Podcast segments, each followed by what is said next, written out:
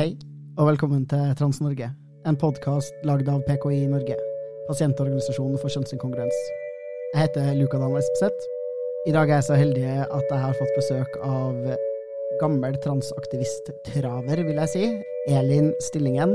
Vi skal prate om um, hvordan transmiljøet i Norge så ut i gamle dager, eller i hvert fall for mer enn ti år siden. Litt om det å være troende og trans samtidig, og de siste forslagene til KrF som prøver å innskrenke barn sin mulighet til å få kjønnsbekreftende behandling og informasjon om hvem de er.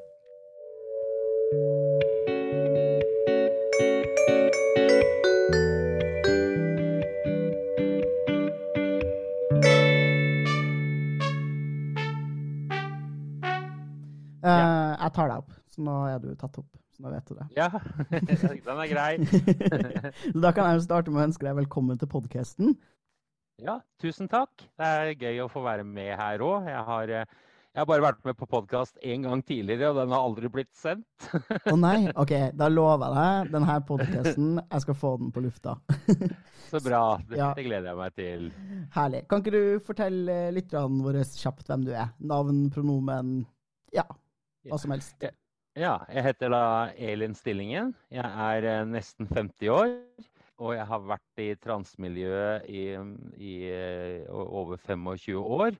Eh, Pronomene er hun, og, og jeg heter bare Elin, da. Men litt i en periode så levde jeg med et dobbelt kjønnsuttrykk og var åpen om det. Og da hadde jeg det gamle mannsnavnet mitt, og så Elin som mellomnavn. Men nå heter jeg da bare Elin. Gratulerer. Jo. Så det siste året så har jeg eh, kommet ut som kvinne, og er kvinne hver dag. Og trives utrolig godt med det, da. Nå har ting liksom endelig falt på plass. Um, og jeg har også vært litt sånn aktivist, jeg også. Både i gamle um, Freedom of Personality Expression på 90- og begynnelsen av 2000-tallet. Da det var en sånn hemmelig forening for eh, transfolk.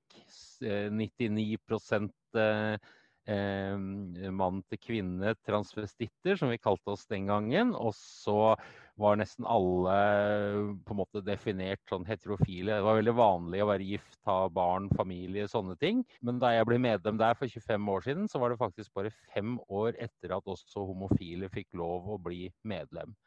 Det var så stigmatiserende den gangen, da, og på en måte ha et annet kjønnsuttrykk. At man var liksom livredd for å få det blanda sammen med seksuell legning, da. Men jeg er veldig fornøyd med at så lenge jeg har vært med der, da, i det som i dag heter Forbundet for transpersoner, så øh, bryr vi oss ikke om legning lenger, sånn som i resten av samfunnet. da, Og det er kjempefint. Nå var du innom veldig mange interessante ting, og jeg har lyst til å stille 1000 spørsmål om alle de tingene her. Så jeg tenker Ja, ja.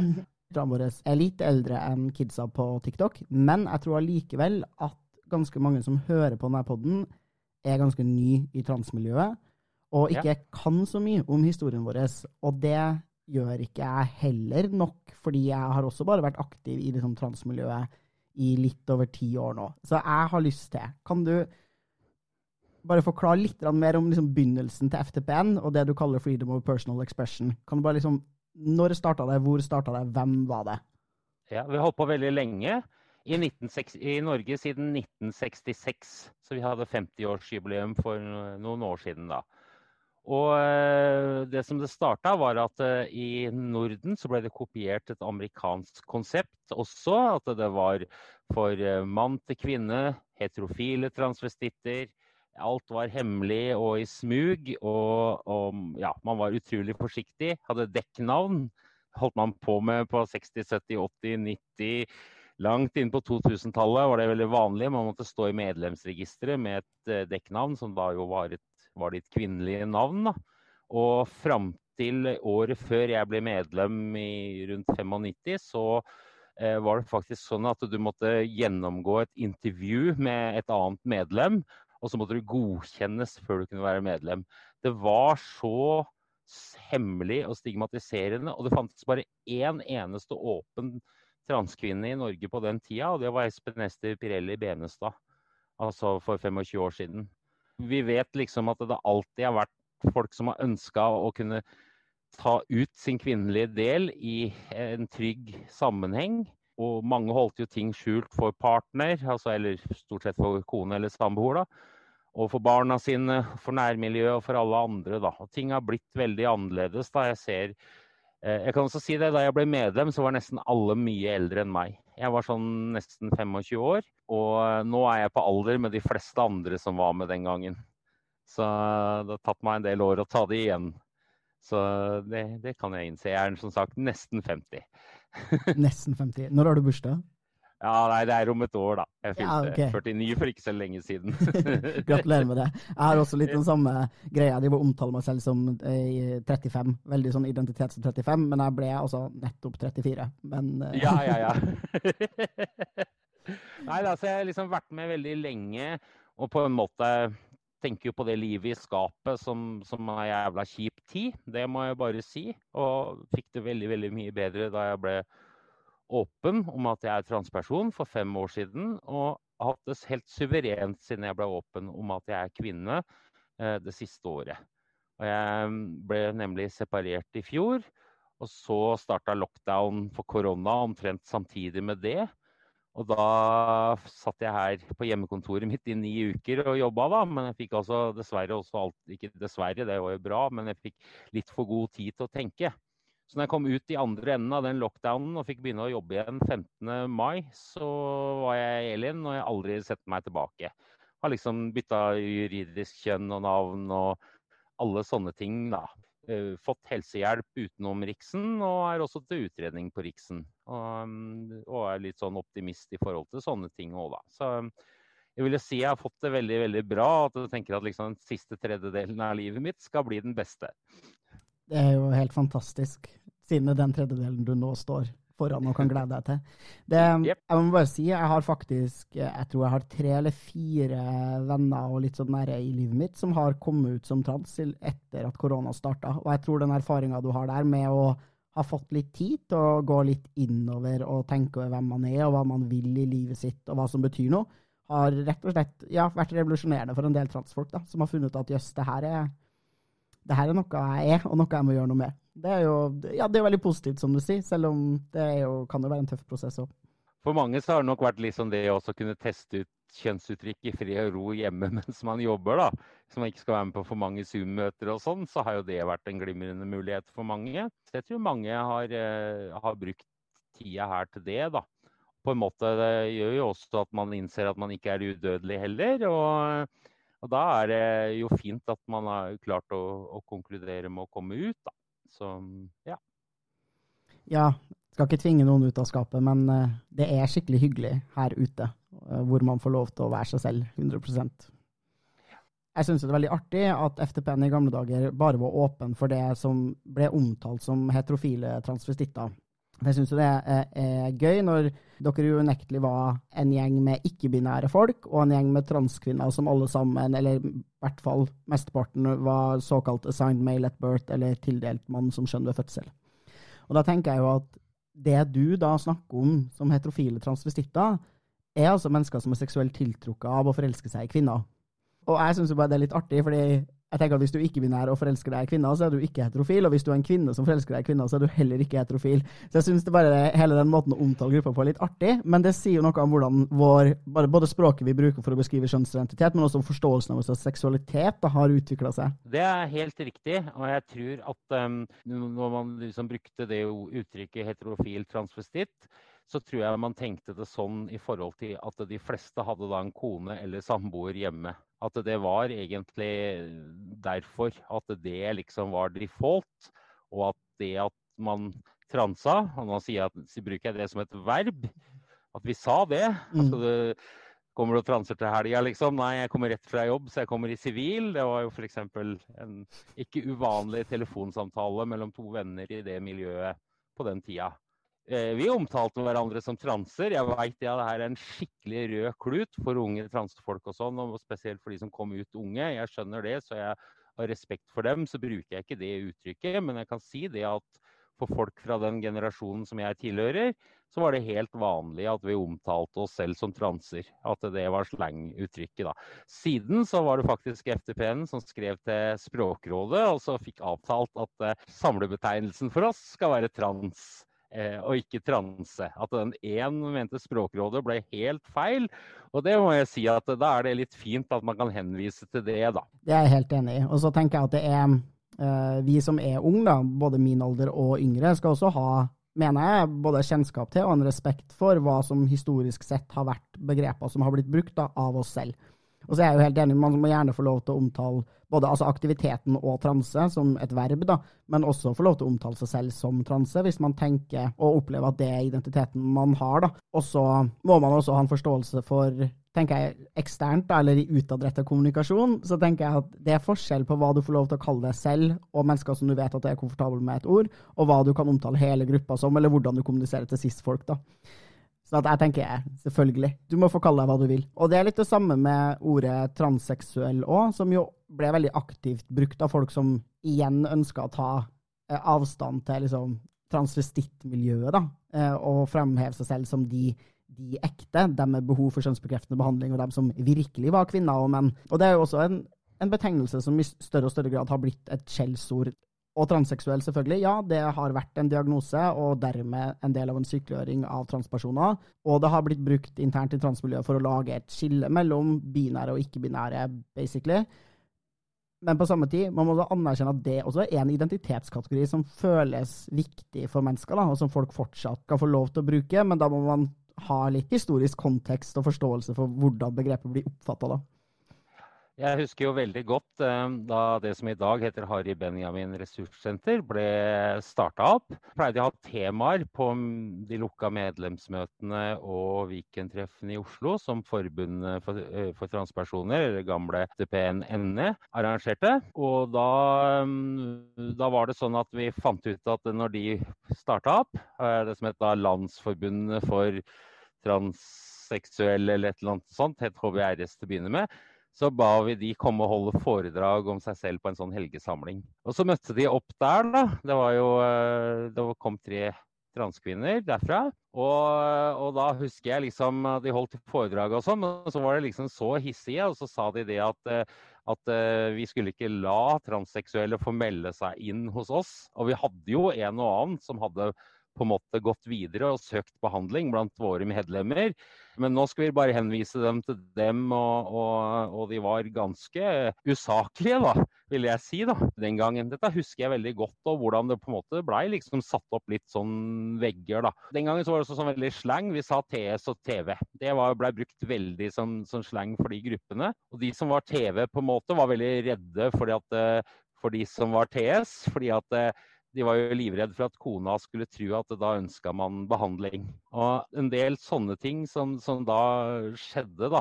Men jeg kan si det at på slutten av 90-tallet så var jo internett kommet for å bli. Den gangen hadde man noe som het IRC, som var en sånn chatteprogram som man brukte til å holde kontakt. Og det var helt utrolig hvor mange som deltok på den tida, da. Og jeg var da moderator for en sånn gruppe da, som het TV-TS Norge. Og der var det liksom folk fra begge grupper, og vi, det gikk veldig på tvers. Og, og, og, det var veldig hyggelig. Og vi var en haug med folk der hver eneste kveld. Da var IRC veldig stort da, på den tida her. Men jeg var moderator for det i mange år, og det var veldig gøy. Fordi jeg har vært med så lenge, da, så har jeg liksom også forfulgt andre som kanskje kom inn der først. Og for mange så ble Jeg hadde en sånn telefon som var en sånn uregistrert mobiltelefon. Så jeg kunne oppgi det nummeret, så kunne jeg fremdeles være anonym. Og da fikk jeg ganske mange telefoner fra folk som hadde først vært på chatten, og så snakka de med meg. Og ennå i dag, mange mange år etterpå, så treffer jeg kanskje på noen for første gang, og så sier de jeg har prata med deg på telefon for 20 år siden, og du var den første andre transpersonen jeg noensinne prata med. Så det opplever jeg ennå. Ja. Det er jo ganske sterkt, rett og slett. Uh, og utrolig artig. Jeg visste ikke at det fantes en uh, IRC-kanal som het TVTS Norge. Jøss, yes, det, det syns jeg er artig. Skal, den skal jeg ønske at jeg fant, for jeg var jo også en Ja, men det er, det er mange, mange år siden jeg slutta med de greiene der. Ja da, og IRC er det vel knapt nok noen som bruker lenger, men det var jo faktisk eh, et medium jeg var en del på i mine tidlige tenår. Eh, det er ikke sikkert at jeg ville ha følt meg så hjemme. Jeg husker jo at mine første skritt inn i transverden var også i forum og på plasser hvor det var veldig veldig mange transfeminine folk, da, eh, og som var veldig mye eldre enn meg. Og jeg tror nok jeg som ganske ung eh, transmann følte meg nok ikke liksom helt hjemme. Det var mye snakk om ja, både konene sine hjemme og sminke og, og parykker og en del andre ting som jeg var voldsomt uinteressert i. Men ja. Jeg har lyst til å gå bitte litt tilbake til det du sa om det møtet mellom FTPN og HBRS. da, som Det her må vel være på begynnelsen av 2000-tallet? Det er 1999, når de ble starta. Å ja, ikke sant, ja. I 1999. Ja. Altså i forrige årtusen, folkens. Nå snakker vi, ja. nå snakker vi lenge siden. Ja, vi gjør jo faktisk det. I hvert fall i transår i Norge.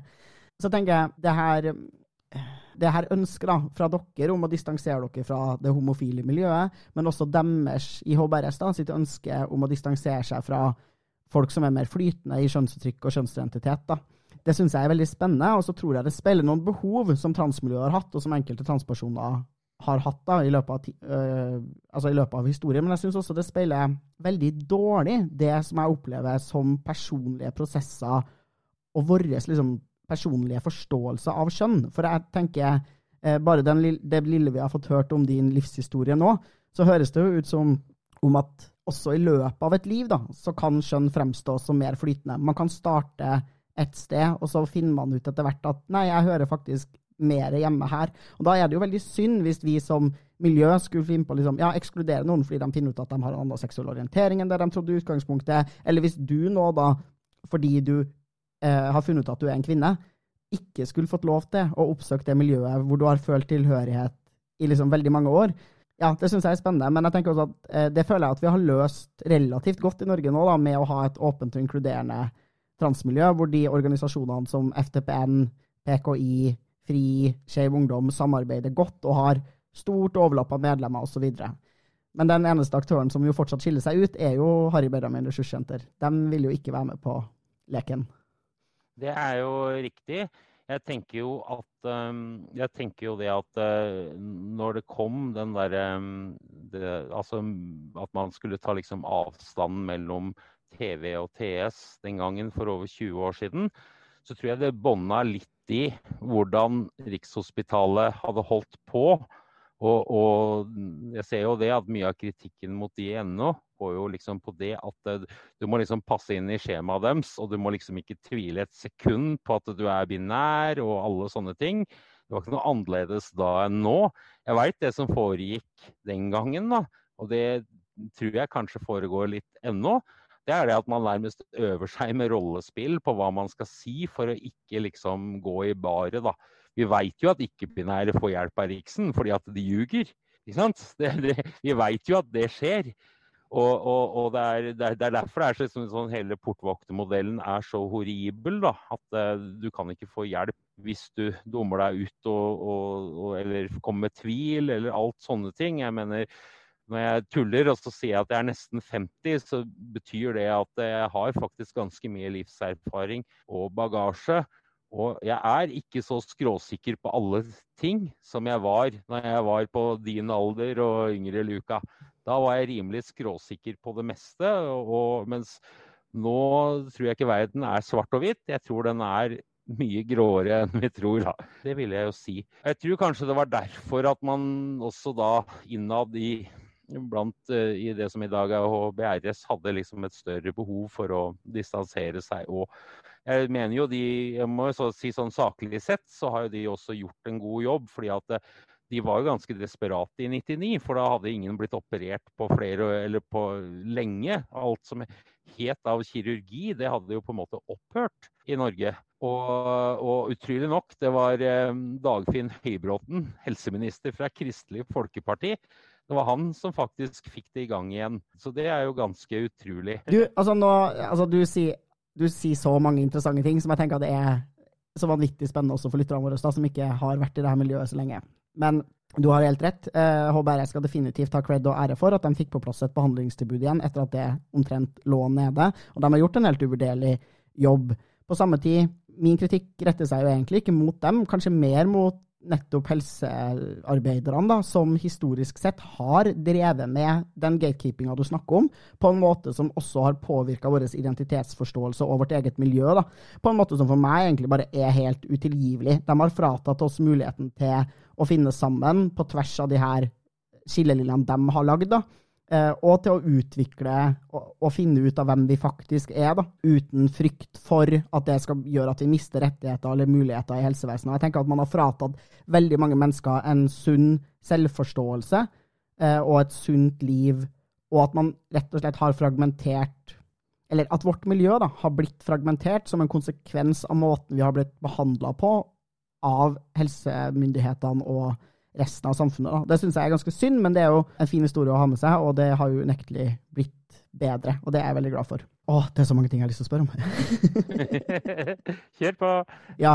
Um, vi skal komme tilbake litt til KrF. En av grunnene til at jeg har deg på poden her i dag, er jo at du egentlig, som du sier, har trukket deg litt tilbake fra aktivistlivet, men så stikker jo hodet fram innimellom, og du har jo nettopp vært i en liten krangel med KrF, rett og slett, som på begynnelsen av 2000-tallet var relativt opptatt av eh, transfolk sine rettigheter og ønska å få på plass et helsetilbud for folk som var trans. Det tror jeg nok Det er litt spekulasjon fra min side, men jeg tror også det delvis backa opp av ting Tone Maria da, Hansen, som er leder i HBRS og har vært det siden starten, har sagt. Og det var nettopp hvordan det å framstille det å være trans som eh, en sykdom på et vis, som man ikke kunne noe for, og eh, tydeliggjør at transpersoner var stort sett, eller utelukkende, heteroseksuelle kvinner eller menn som var veldig flinke til å være feminin eller maskulin, og som bare, eh, hvis man fikk tilgang på behandling, ville klare å blende inn i et heteronormativt samfunn relativt bra. Jeg tror den kombinasjonen der, som jo eh, unektelig la skjul på mye mangfold blant oss, men som jeg tror funka da, overfor KrF, og det har definitivt vært bidragsytende til at vi har kunnet få tilgang på helsehjelp, som jo i seg selv er bra, men det har nok også forsterka ideen i helsevesenet om at vi er nødt til å være nettopp det. Eh, heteroseksuelle, feminine eller maskuline kvinner og menn som er flinke til å liksom passe inn i normen. Jeg kan jo si det, at den gangen, i den gangen jeg levde sånn litt dobbelt, da, altså ikke tida i skapet, men etter at jeg kom ut som transperson, så begynte jeg altså å tenke litt det at uh, nå har jeg jo i skapet i årevis levd sånn at jeg kanskje er kvinne 10% av tida og mann 90% av tida. Og, og, på en måte så ble jeg åpen, og så tenkte jeg at ja, nå kan jeg leve 20% av tida som kvinne og, og, resten som mann. Det er jo blodig urettferdig. Jeg kan ikke få helsehjelp hvis jeg på en måte tenker at jeg kunne levd 80% av tida som kvinne og 20% som mann, og så kanskje prøve å bare beholde det å være mann til liksom der hvor det ikke var nødvendig, men der hvor det på en måte hadde føltes riktig. Det er liksom en sånn mulighet jeg ikke hadde. Nå var det jo ikke sånn. Men jeg skulle ønske at det hadde på en måte vært mulig, og så kunne jeg i hvert fall hatt begynt der. På en og annen sånn der eh, båltur med kompiser eller ølkveld, så kunne jeg jo da på en måte ha valgt å vært mann akkurat da, og, og sånn, og så hadde det vært helt ålreit. Det var liksom en sånn mulighet som da var utelukka hvis du ønska helsehjelp. Du må på en måte framstå veldig kvinnelig og sånn. Jeg er jo ikke i tvil om at jeg er kvinne, og at det er det som er default og, og rett for meg nå da jeg liksom var i en sånn fire år lang tenkeprosess, så, så, var jeg liksom inne på det. At det kunne være sånn. Jeg kan si at liksom Siste gangen jeg var mann i en sosial sammenheng, det var på bursdagen min i fjor. Da var jeg bedt på øldrikking hos en kompis. Så da satt vi der fem kompiser og drakk øl. Og da møtte jeg opp som han, da. Og det er siste gangen noen har sett meg som han. Jeg savner han jo ikke, men uh, det var veldig fint å gjøre akkurat det, da en slags uh, gravøl, men uh, ja, med, gravøl. med, positivt fortegn. En, en, fra bygda mi han har jo liksom sagt det at uh, kan vi ikke holde sånn begravelse da, for han, da? Men jeg syns det er ganske makabert, da, for ryktene om min død er betydelig overdrevet, kan du si. da. Altså, Jeg lever jo, sånn at det hadde vært riktigere å ha en dåp, da, for å si det sånn. Jeg tenker heller vi skal feire uh, hvem vi har blitt, enn uh, dem vi ikke lenger er. I tillegg til at du er jo unektelig samme menneske fortsatt. Der er faktisk noe veldig gøy å fortelle. Prost Stein Ovesen, som er styreleder i stiftelsen Stensveen, han uh, har jo jobba litt også, og skrevet en liturgi for endring av navn og kjønn til bruk i Den norske kirke. Og jeg har vært så heldig da, at jeg har fått den til gjennomlesning. Jeg har jo mine tilbakemeldinger på den, og så sa jeg det til Stein, at jeg vil gjerne være den første som får gjennomgå det her. Det kommer til å skje en eller annen gang når det blir tillatt å ha flere folk i kirkene. Da. Så jeg gleder meg veldig, veldig til å få gjennomføre det. da. Det tror jeg kan bli en mer sånn verdig og bra markering også. Det var en skikkelig fin seremoni han hadde laga da. Det høres jo helt fantastisk ut. Som jeg skulle ønske at det at vi kom ut og ble oss selv og eh, viste oss frem for verden, var noe man kunne feire i større grad. Ja, det, for det, det, har jeg jo gjort. Da jeg kom ut som transperson, så hadde jeg en sånn lang kom ut-prosess. Skal ikke komme så mye inn på den, men siste greia i den kom ut-prosessen, det var at jeg leide et lokale her i bygda og så ba jeg inn noe slekt og venner og naboer og sånt. Så han kom ut-fest. Da hadde jeg over 60 stykker som var gjester, da. Det var egentlig en dritkul fest, egentlig. Så jeg gjorde faktisk det. Men ja, i år så har jeg tiårsjubileum for det året jeg begynte på testosteron, så jeg har også tenkt å ha en sånn skikkelig stor fest for å feire det. Fra fest og moro tilbake igjen til Rikshospitalet, som er en dårlig overgang. Men eh, vi snakka litt om den her gatekeepinga, og, og du snakka om sånne eh, rollespill som man gjorde for å øve seg på hva man skulle si på Rikshospitalet. Og det tenker jeg, er, jeg tenker at ganske mange av kidsa nå syns at Rikshospitalet er et fortvilende sted å være på, og er sannsynligvis også klar over at det har vært sånn historisk. Det har jo om mulig vært enda verre enn det det er nå. Men jeg har liksom bare lyst til å snakke om at det her er et helt sånn reelt internasjonalt fenomen. At transfolk har delt veldig mye kunnskap og erfaring seg imellom, fordi vi har ikke fått den kunnskapen, verken i skolen eller av helsepersonell, og at vi alltid liksom har hjulpet hverandre gjennom helsevesenet. Da. Og det her er det skrevet bøker om fra USA, og det har liksom alltid vært en sånn community knowledge som vi har holdt, da, hvor vi har prøvd å hjelpe hverandre. Og så har jo det selvfølgelig og det mener jeg ikke er bare skyld, verken som enkeltpersoner eller som community, men det har jo også gjort at Rikshospitalet tror at alle transfolk er like, fordi vi har kommet dit og presentert relativt like historier. Men det har jo vi selvfølgelig bare gjort som en overlevelsesmekanisme i en verden som har vært ekstremt fiendtlig innstilt overfor oss. Så vi har ikke hatt noen annen måte å gjøre det på. Men du har jo helt rett da, når du sier selvfølgelig er det masse ikke-binære folk som har fått helsehjelp på Rikshospitalet. Det er bare at de har ikke sagt at de er ikke-binære. Og i dag så ser vi jo et skifte der, hvor stadig flere folk sier fra til Rikshospitalet om at de har en ikke-binær identitet identitet, så blir jo de avvist. Cecilia Deine, som er leder på Karolinska i Sverige, hun har holdt en del foredrag om et skifte som de jo de begynte å be pasientene sine om å ikke lyge, fordi de også hadde hørt det her ryktet fra transmiljøet om at folk lyver. Og det man jo så der, var jo eh, umiddelbart året etterpå, så sank antallet mennesker som fikk diagnose drastisk, fordi de brukte fortsatt de gamle diagnosekriteriene og var veldig opptatt av at folk skulle ha en binær identitet. Og så skjønte jo sykehuset selv ja, men her må jo vi følge etter menneskene, historiene deres og måten de forstår seg selv på. fordi det er jo nå vi faktisk får høre hvem folk er. Og vi har jo, som du sier, gitt behandling til masse ikke-binære folk, og det har gått helt strålende historisk sett. Vi må bare fortsette med det. Så er det bare Rikshospitalet som henger 1000 milliarder lysår etter alle andre så har det jo vært sånn tradisjonelt. Og Riksen har jo alltid vært veldig redd for at vi skulle vite om hverandre og snakke med hverandre. Særlig når internett kom, så blei det liksom så mange flere nettverk og mulighet til å ta kontakt oss imellom. Lukka IRC-grupper, andre ting vi samordna oss, og de som havna på Riksen på en eller annen måte, da, de ble som sagt veldig flinke til å kjøre disse rollespillene og være veldig nøye på hva du skulle si. Det var en ganske gjengs oppfatning at hvis du var transkvinne og du var dum nok til å møte på Riksen med skjegg og slitt olajakke og slitt olabukse, liksom, at om du ikke fikk hjelp da, så var det din egen feil på en måte Altså, jeg kjenner godt en transkvinne da, som fikk helsehjelp på 90-tallet. Og hun sa jo det at eh, hun møtte jo opp sånn nesten sånn overfeminin sammenligna med det hverdagsuttrykket som jeg kjente henne i. Altså hun levde i kvinneuttrykk hver dag. Men det ville jo vært mye bukser og, og sånne ting. Men liksom det var blomstrete skjørt de dagene hun hadde time oppe på Riksen. Jeg ser jo i en del av de gruppene jeg er med i med unge transgutter, da, men som jo spør om det. Sånn her, er det stress hvis jeg har liksom svart neglelakk når jeg kommer på Riksen? Burde jeg farge håret mitt i en annen farge, eller slutte å farge det? Fordi man jo får de tilbakemeldingene fra Rikshospitalet. Og det du sier her, er også så utrolig viktig at Rikshospitalet har aldri ønska at vi skal snakke sammen. Det har vært en eh, svakhet for dem, fordi da gjennomskuer vi systemet deres og klarer å skaffe oss tilgang til det vi ønsker oss og det vi trenger. Pluss at vi jo har, eh, får plutselig en makt da, til å si fra til hverandre, og også uttalt, og jobbe politisk med da, å forbedre det helsesystemet som er der. Ja, det ønsker ikke Rikshospitalet. Det har de aldri ønska. De ønsker det ikke i dag heller. Det eneste organisasjonen de jo samarbeider eller har noen kommunikasjon med, er jo Harry Benjamin Ressurssenter, fordi de er såpass konservative da, at de er villige til å slippe dem inn. De nekter jo å snakke med alle andre organisasjoner på feltet. Til dere der ute, vi er ikke så mange, men det er fortsatt makt i det antallet vi er. Folk er nødt til å organisere seg. Og om det så bare er for et sosialt treff og ikke noe liksom aktivt politisk arbeid, så har det en kjempeverdi at vi kjenner hverandre og vet hvem hverandre er, og at vi lytter til hverandre, og at vi tar vare på den kunnskapen som har blitt nedarva i transmiljøet over generasjoner.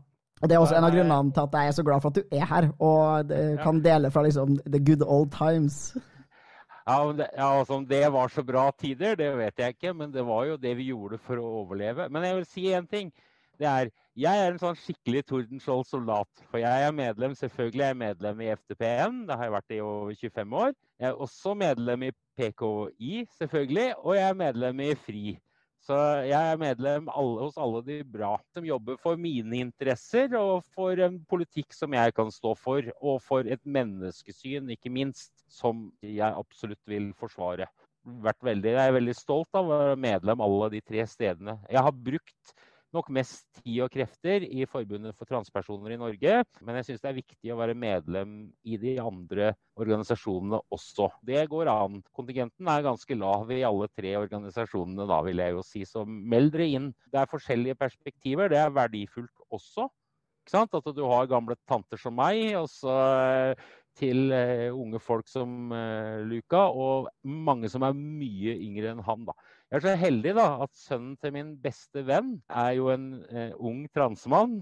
Og jeg har sånn tradisjon med han da, at under pride hvert år så tar han med seg noen av kompisene sine, som også er andre unge transmenn. Og så spanderer jeg pizza på dem, og så har vi en veldig hyggelig prat. da. Jeg har blitt kjent med mange unge transmenn gjennom han, ja, nevøen min. Han kaller meg for tante, så det er jeg veldig, veldig fornøyd med, da.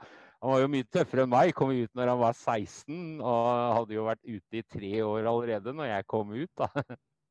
Så, ja. Herregud, så fint. Jeg kjente jeg faktisk fikk litt tårer i øynene, liksom. Det der, er, det der er det jeg snakker om. Jeg skulle ønske at, det, ja, at vi fikk til flere sånne typer møteplasser da, mellom de, de, forskjellige generasjonene. Jeg tenker at det har en kjempeverdi. Og så er det, som du sier, da, ja, du, du kaller han tøffere enn deg, men let's be honest, liksom. Det var faktisk en tid hvor det å komme ut, da, har kosta mer enn det det koster i dag. Og det er ikke for å underspille hva det koster å komme ut i dag, for det koster fortsatt ekstremt masse for transfolk. Det er faktisk eh, noen reelle utfordringer med å komme ut som trans i 2021, og jeg tror vi har lang vei å gå før det bare er ålreit, og noe som blir møtt med Vær så god, her har du helsehjelp hvis du trenger det, og her er festen og liturgien i kirka og communityen din hvor alt bare blir kjempefint. Hvis du går litt tilbake til det å være å være ung, da. Jeg er jo ikke så ung lenger, det må jeg jo bare innrømme. Men det jeg kan si, var jo at jeg var jo ung på ei tid hvor det var ikke bare vanskelig, men det var jo jævlig, liksom. Jeg er ganske sikker på at hadde jeg stått fram med hvem jeg var på den tida jeg gikk på ungdomsskolen, så hadde noen drept meg, liksom. Altså, det hadde aldri gått. Og Det var en sånn, sånn, reell frykt. Jeg ser det sånn liksom i ettertid. Samtidig som jeg ikke hadde så veldig støttende foreldre, og som jeg var ute overfor, men som på en måte ikke aksepterte det den gangen. da. En helt jævlig skole, alle sånne ting. Hvor vanskelig det var. Og så var jeg tiltrukket av jenter, da, så, det, så jeg måtte jo være liksom gutt for å ha sjanse på de, trodde jeg. Og alle de tinga, de der, da. Det gjorde det veldig veldig slitsomt og vanskelig. da. Så det er liksom ingenting som gjør meg gladere enn hver gang jeg kommer i kontakt med foreldre til transbarn eller transungdommer. Jeg blir så glad hver gang jeg møter foreldra deres, og foreldre er oppegående, greie og støttende. Jeg bare elsker de folka der, så mange.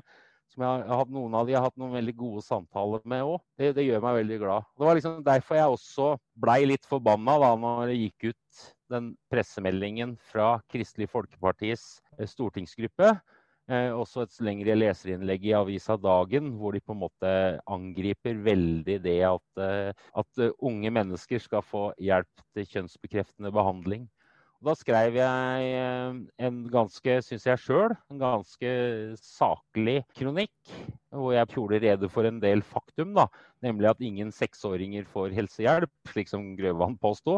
Og at uh, aldersgrensa på 18 år for underlivskirurgi er absolutt. Og at uh, de som får pubertetsutsettende medisin, som også er reversibelt, får det. At de som er født med guttekropp, får det i 12-13-årsalderen, og de født med jentekropp får det i 11-12-årsalderen.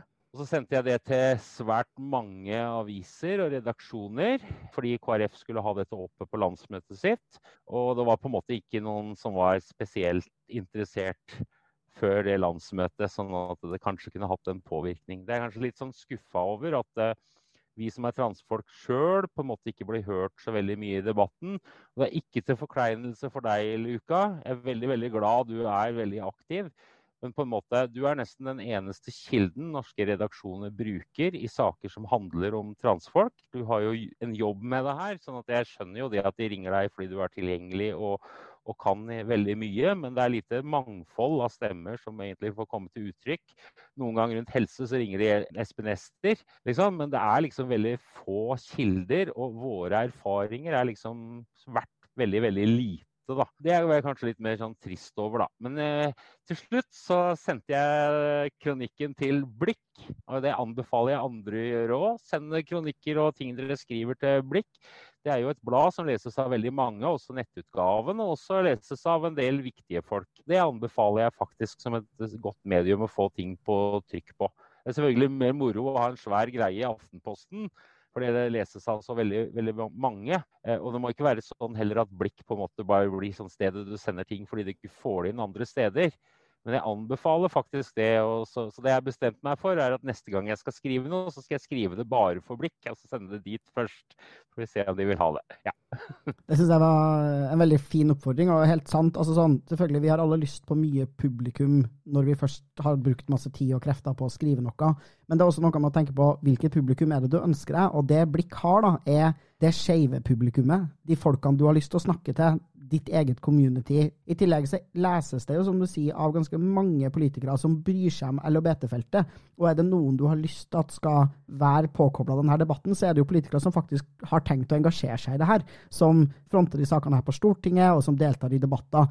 Det er mye viktigere å nå dem enn veldig mange andre. Og som du sier, altså, du kommer aldri til å snu KrF, liksom de, de, ultrakonservative folkene som nå er midt oppi en sånn blanding av moralsk panikk og ønske om å tekkes ekstremt konservative velgere, de har jo ikke noe omsorg for transpersoner eller noe vilje eller ønske om at vi skal leve gode liv. Det viser jo de forslagene de har kommet med helt tydelig, og de kommer heller ikke til å lytte til transfolk på noen som en slags måte når vi snakker om hvordan vårt liv var som barn, da, og hvordan det er rett og slett regelrett, som du sier, altså livsfarlig å frata transkids både muligheten til å få medisinsk støtte og behandling, og muligheten til å få informasjon om eget liv, og muligheten til å endre juridisk skjønn og navn. Og jeg tenker jo at alt det her er jo ting KrF har lyst til å angripe. Ja. Det er jo det. Det er jo liksom det er jo, Jeg blir helt forferda. Altså, jeg veit jo at hvis jeg hadde blitt tvinget til å leve sånn som jeg måtte når jeg vokste opp, i våre dager, jeg hadde visst at en annen verden var mulig, da, at det var mulig å få helsehjelp, at det var mulig å komme ut og alle de tinga der. Så jeg hadde jo ikke klart å leve hvis jeg på en måte ikke hadde de rammene, liksom. Ja, jeg hadde foreldre som ikke var spesielt begeistra over at jeg var trans, men jeg tenker jo på de som i dag motarbeider sine egne barn. da. Det er jo mange som blir sinna hvis jeg sier det rett ut. For jeg mener jo det at å ikke ta barn på alvor som ønsker å uttrykke kjønn eller identifisere seg annerledes, det mener jeg er rett og slett en, en barnemishandling som ikke ligner grisen. Altså det, og det gjør meg veldig, veldig, veldig provosert. Jeg tror at KrFs politikk i verste fall kan ta liv. Det tror jeg ikke de skal få slippe unna med det må vi som prøver å være litt aktivister, da, faktisk ta dem litt hardt på. Det her kan koste liv. Ja, det tenker jeg òg. Og vi må også være tydelige på at voksne transfolk Vi har vært barn en gang, liksom. Og vi hadde livsvilkår som var dårlige. Og som du sier, ja ja, du har jo overlevd, men livet er ikke å overleve. Du skal faktisk få lov til å leve og vokse og trives og utvikle deg da, til ditt fulle potensial. Og når du går rundt og er redd for at hvis noen finner ut av hvem du egentlig er, så kan du bli banka eller drept, så er ikke det Altså, ja, du overlever, men det er ikke det beste livet du kunne ha levd. da. Og Det syns jeg man skal ønske for sine barn, og det tenker jeg også til alle foreldre der ute. Å nekte ungen din, eller å nekte barn, å få lov til å uttrykke seg selv og utforske hvem de er, og finne ut av identiteten sin, det er omsorgssvikt. Du presser ungen din til å være noe de ikke er. Hvis du må bare snu på det og tenke sånn hvordan ville du reagert hvis noen som hadde et cis-skjønna barn, la oss si en liten gutt som var født med penis, og som identifiserte seg som gutt, og hvis foreldrene bare plutselig bestemte at han skulle være jente, og begynte å tvinge henne til å gå i jenteklær, og brukt jentenavn på henne, og brukt hun som pronomen. Alle ville ha gjenkjent det som omsorgssvikt. Vi ville ha tenkt hvordan kan du legge et sånt umenneskelig press på et barn om å være et skjønn de ikke egentlig er? Og det er helt likt for transkids. Ja, ja, det er jo det. ikke sant? Og det er det som da provoserer meg så, så, voldsomt. At det tok meg så veldig lang tid å komme dit i livet hvor jeg er nå, hvor på en måte ting har falt på plass. Og jeg tenker jo, hadde jeg fått helsehjelp, hadde jeg fått veiledning, hadde jeg fått en aksept, hadde jeg fått alle de tingene der når jeg var ung, så hadde jeg antageligvis ikke sett ut som jeg gjør, og antageligvis kunnet leve mye bedre. Jeg ser jo på den, den samme skolen som jeg omtalte i stad, som jeg sjøl gikk på, den samme ungdomsskolen. Der var det 15 år etter at jeg hadde gått ut derfra, så var det faktisk en ung transjente som kom ut mens hun gikk på den samme skolen.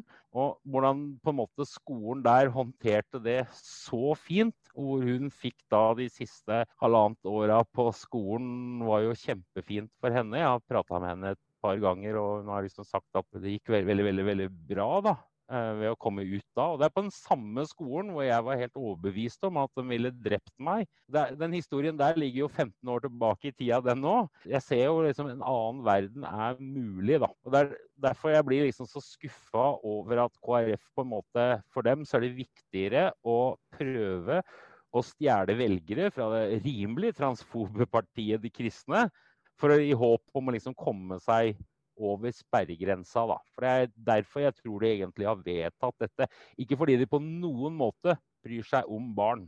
Det skal jeg være eh, slem nok til å si rett ut. Det er pga. å få konservative velgere, ikke for at de skal hjelpe barn på noen måte. Ja, det er skikkelig råttent gjort, liksom. De svikter, de kidsa her. Og det virker som man ikke bryr seg. Litt fordi man tenker at vi er få, og litt fordi man tenker at vi er bitte litt mindre verdt enn de andre menneskene. Og Det syns jeg er helt forferdelig. Barn vet hvem de er, liksom.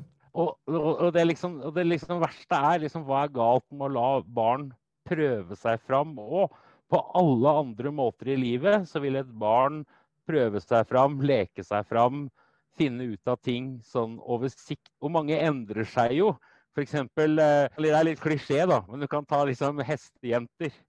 Altså Veldig mange jenter i en viss alder blir jo ekstremt hesteinteresserte. Og, og, så kommer man til en viss alder, og så blir enten gutter eller jenter mye, mye mye mer interessant, f.eks. Mens noen er den hestejenta så lenge de lever. Du kunne sagt det samme med fotball, og du kunne sagt det samme med, med veldig mye. ikke sant? I stedet for å tenke at eh, er det ikke bra å få prøve seg fram på det her området som, som på alle måter, liksom?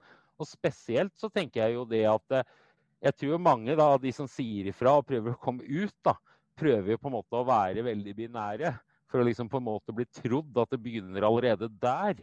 I stedet for at eh, man på en måte sier at ja, du kan ha en jentedag eller guttedag eller eh, blanding eller hva du vil. Akkurat når du vil. Og at det hadde vært mye sunnere at man hadde følt seg frie nok til det. Selv i våre dager så er det ikke alle seksåringer som klarer å fortelle det her til foreldra sine. Men det er liksom noe med å kunne klare det steget der med å ta det opp med sine egne foreldre, da. Når foreldre svikter da, og enten har fortalt barna sine eksplisitt eller implisitt at dette er noe de ikke kan fortelle, eller møter dem med motstand når de forteller det, så er det desto viktigere at alle andre systemer og voksne folk rundt de her ungene kan ta imot dem. Da. Det er da det er viktig at lærere kan noe om det her. Det er da det er viktig at treneren på fotballaget ditt kan noe om det her. Sånn at du som et ensomt lite barn da, kan finne en eller annen voksen som faktisk kan støtte deg og stå opp for deg. Si det f.eks. i fotballen, så er det jo øh, fotballen sjøl som sport som har på en måte kjempa for sine unger. Det er f.eks. sånn at i aldersbestemt fotball nå, så får barn lov å, å spille fotball. Og de får spille ikke bare trening, sånn som det var for noen år siden, men nå får de også spille kamper eh, i henhold til, til, det kjønnet de identifiserer seg som. Og det, her, det er jo egentlig litt fælt da, noen sitter på et fotballting, øverste organet til Norges, Norges Fotballforbund, og diskuterer denne saken.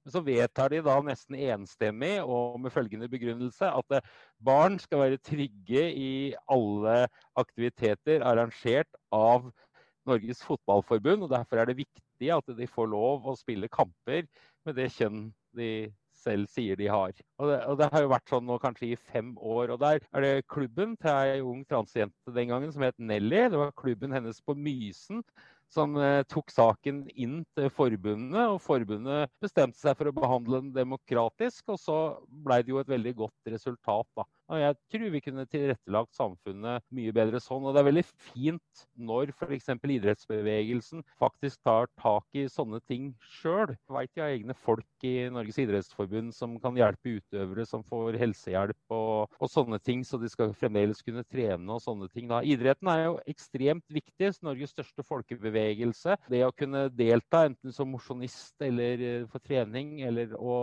konkurrere, det er det er veldig viktig. Jeg kan kanskje si det at, eh, at eh, jeg har jo tenkt mange ganger at det er ikke sikkert jeg vil ha kirurgi. Men der vil jo jeg møte det verste, nemlig at hvis jeg ikke gjør det, så vil jeg liksom ikke ha tilgang til kvinnegarderober. Og da vil jeg heller ikke kunne drive med noen form for trening eller mosjon, i hvert fall som er organisert eller i anlegg. Det er på en måte ganske fælt å tenke på, syns jeg, da. Altså, Du skal jo ikke måtte velge, men jeg forstår frykten for å bruke en kvinnegarderobe, spesielt gitt den debatten da, som har vært i det siste. Og Da håper jeg at de lytterne som ikke er trans sjøl, tenker over hvor, hvilke dilemmaer man faktisk putter transfolk i, da, når man sier at vi ikke får tilgang til de rommene vi ønsker å bruke. fordi det er ikke noe alternativ for deg å bruke herregarderoben. Og da må du enten la være å bruke alle sånne her fasiliteter, og hvis du tenker på alle kjønnsdelte rom som finnes i samfunnet, så begynner det å bli ganske mange da, arenaer som bare ikke er tilgjengelige for oss. Eller så kan vi velge å endre kroppene våre på ekstremt drastiske måter. Og Det er veldig gøy at man står KrF for eksempel, da, på den ene sida og sier at du er nødt til å gjennomgå genitalkirurgi for å kunne få lov til å bruke en svømmehall, og på andre sida så står man altså og prøver å nekte barn og ungdom tilgang og mulighet på behandling da, som kunne ha gjort livene deres enklere. Og det er jo ikke sånn at det er behandlinga i seg selv da, de virkelig ønsker at vi ikke skal gjennomgå unødig. fordi da hadde de ikke lagt det presset på oss uh, som voksne. Så her er det helt tydelig et forsøk på å tvinge barn til å late som om de ikke er trans, og tvinge voksne folk som de ikke kan tvinge til å late som de ikke er trans lenger, til å assimilere mest mulig inn i liksom det sist heteronormative samfunnet. Og Det syns jeg rett og slett er ganske voldelig. Ja, for Du kan jo også si litt sånn det KrF også har vedtatt og angriper. da, Det er f.eks. muligheten til at organisasjoner som FRI, som jo satser litt ressurser på opplysning til barnehager og skoler, og som er veldig veldig bra. Det her med rosa kompetanse, er ikke det det heter, Luka? Jo. Og det syns jeg er kjempe, kjempefint. Både barnehager som, og skoler som vil være føre var, og de som allerede har elever eller barn som de på en måte må håndtere. Da, da vil jeg jo si det at eh, når KrF på en måte går, argumenterer sånn at skolen skal ikke være arena for en ideologisk kamp og bla, bla, bla, og skal i hvert fall holde, holde de som har en ja, sånn som fri, da, ute fra det her så vil jeg si det er uh, utrolig korttenkt. Ikke bare fordi det er kjipt, men det er også sånn uh, Det skal i stedet bli sånn at de skal gi kompetanse til lærere og sånn, men da lurer jeg på hvem søren skal gi dem den kompetansen? Hvem skal komme med det da? Den sitter jo ute i brukerorganisasjoner og blant vi som har erfaringer. Hvis du, ja, du skal kanskje få et eller annet kompetansesenter av et slag til å lage et opplegg og, og å kjøre det sånn. Men liksom, de sier jo ikke at de skal ha det heller.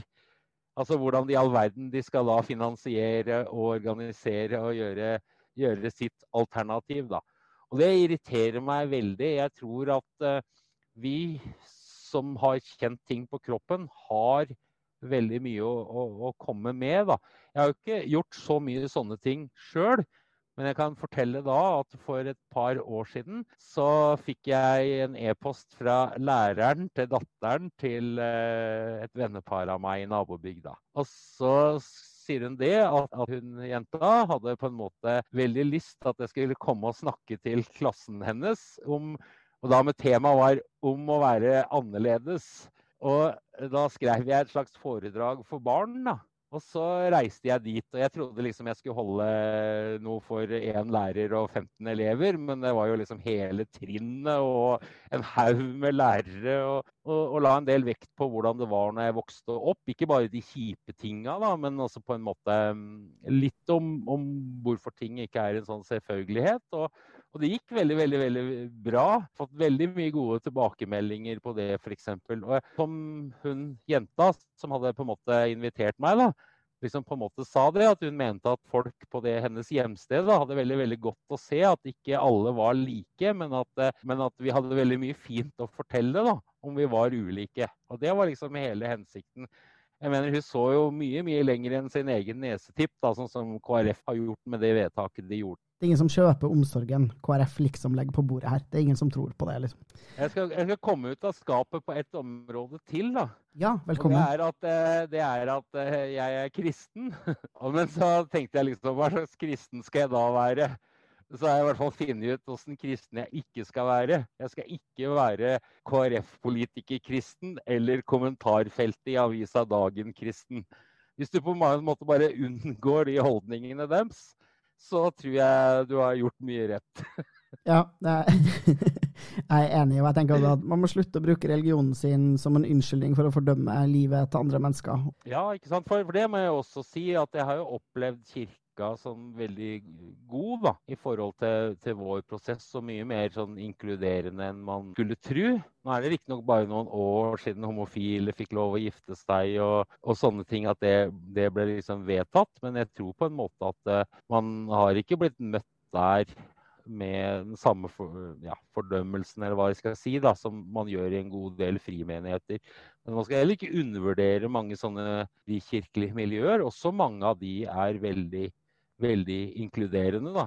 Hvis jeg har, har en favorittmenighet på en måte, jeg kommer, jeg kommer, nok alltid til å være medlem i Den norske kirke, men en av favorittmenighetene min utenom, det er noe som heter Kingdomskirken nede i Vestby. Og slagordet deres er 'velkommen'. Og Fred, som er pastor der, han har liksom en sånn hilsen han leser opp hver gang, og som står på nettsiden deres, og så hvor han på en måte ramser opp på en måte hvem som er velkomne. da. Og Det er jo alt fra homofil til oss som har noen kilo for mye, til det er kanskje 50-60 ting der. Og hvis du ikke har minst fem av de som passer for deg, så er du ikke menneske. I hvert fall ikke i Norge.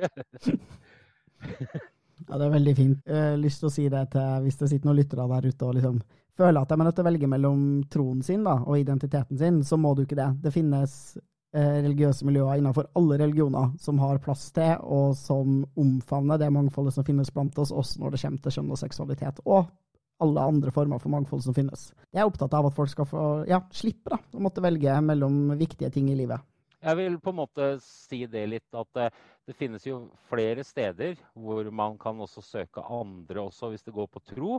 For muslimer så er det jo Salam, ikke sant? som er liksom en organisasjon for skeive muslimer. Så er det jo Åpen kirkegruppe i Den norske kirke, som er liksom en sånn menighet for skeive innenfor Den norske kirke. Åpen folkekirke, som er liksom et slags sånn parti i Den norske kirke. Der har jeg også vært aktiv og stått på valglista deres til og med, ved siste valg til bispedømmeråd. Da er det da Skeivt kristent nettverk som, som uh, hovedsakelig retter seg mot skeive fra frikirkelige miljøer og konservative miljøer i Den norske kirke. Da. Som er, uh, alle de stedene der er trygge og gode steder å å henvende seg. Og Det er som sagt ingen motsetning mellom å tro og på noen måte ha en annerledes kjønns- eller eh, seksuell legning enn en majoriteten har. da. Det syns jeg var noen uh, nydelige siste ord. Ja, jeg føler at vi har dekt både litt historie, litt religion, tro, egen prosess og politikk i løpet av denne episoden. Ja. ja. Det har vært veldig gøy å snakke med deg om, om de her tingene, Luka. Jeg kommer gjerne igjen en annen gang. Og det var veldig spennende å få være med på podkast da. Jeg kan reklamere for en liten ting. Ja. Og det er jeg har skrevet en guide for endring av juridisk kjønn og navn. som jeg har skrevet. Den har jeg liksom ikke lagt ut på nettet, og sånn, og det er litt med vilje, for jeg liker å vite hvem jeg har gitt den til. Og den har jeg oppdatert mange ganger, basert på erfaringer fra folk som har brukt den. Men den viser steg for steg hvordan du endrer juridisk kjønn, hvordan du endrer navn, hvilke konsekvenser det får, Og, og, på en måte hva du må huske på sånn rent praktisk etterpå. Sånn at man kan finne meg på Facebook, og jeg har en blogg, og, og jeg står i telefonkatalogen nå. Men det går an, å, går an å, å, be om å få den av meg, da.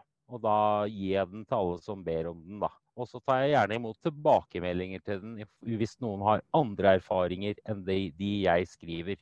Tusen takk. Det tenker jeg er enda et flott eksempel på eh, det arbeidet som blir gjort da, internt i transmiljøet, og hvordan vi gjerne hjelper hverandre. Så det var, det var skikkelig hyggelig. Vi ses på internett, for det gjør vi ofte. For å være eksaktivist, Svært aktiv, vil jeg påstå. OK. Ha Tusen takk. Ha det bra. Ha det. Jeg heter Luka Dalen Espeseth. Takk til Martin Skjold for den nydelige Trans-Norge-musikken. Og takk til Thomas Westervold Hansen for den kule Trans-Norge-logoen som du kan sjekke ut på Instagrammen vår pki.norge.